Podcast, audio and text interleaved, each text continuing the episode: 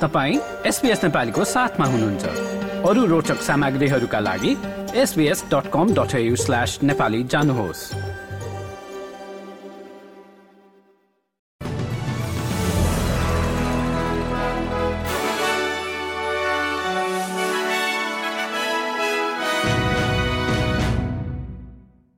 नमस्कार। आज बिहिबार अठार जनवरी सन् दुई हजार चौबिस। अब पालो भएको छ एसबीएस नेपालीमा। आजका प्रमुख अस्ट्रेलियन समाचारहरू सुन्ने। सुरु गरौं न्यू साउथ वेल्समा भएको जोरदार वर्षा सम्बन्धी प्रसंगबाट राज्यको गम्भीर मौसमी अवस्थाका कारण बुधबार सत्र जनवरीको रातमा New South Wales State Emergency Services SES समक्ष सहयोगलाई फोन गर्ने बासिन्दाहरूको संख्या उच्च रहेको बताइएको छ। सो समयमा भारी वर्षाबाट प्रभावित भएका मानिसहरू तथा फ्ल्यास फ्लडिङका कारण एक सय दस भन्दा बढी आपतकालीन फोन कलहरू आएको एनएसडब्ल्यूएसईएसले जनाएको हो।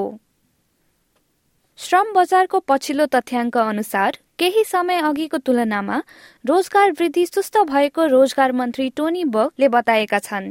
त्यस्तै बेरोजगार दर डिसेम्बर महिनामा तीन दशमलव नौ प्रतिशतमा अडिग रहेको ब्युरो अफ स्ट्याटिस्टिक्सले सार्वजनिक गरेको उक्त नयाँ तथ्याङ्कले देखाइएको छ।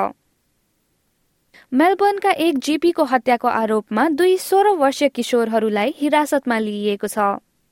शनिबार भएको तेत्तीस वर्षीय एश कर्डनको मृत्युको अनुसन्धानको क्रममा ती दुई किशोरलाई बिहिबार अठार जनवरीमा उत्तर पूर्वी मेलबर्नबाट पक्राउ गरिएको हो। क्विन्सल्यान्डका प्रिमियर स्टिभन माइल्सले विक्रेताहरूले मूल्य वृद्धि गरेको पाइएमा कडा सजायको आवश्यकता रहेको बताएका छन्।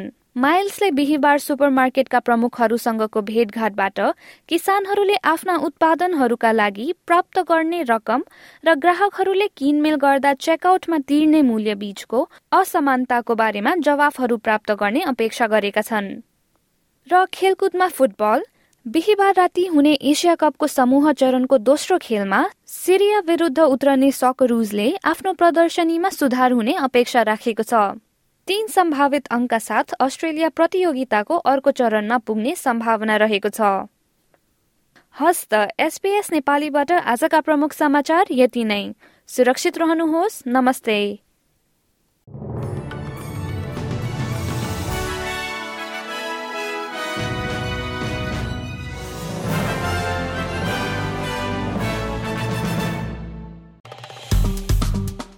लाइक र कमेन्ट गर्नुहोस्। एसपिएस नेपालीलाई फेसबुकमा साथ दिनुहोस्।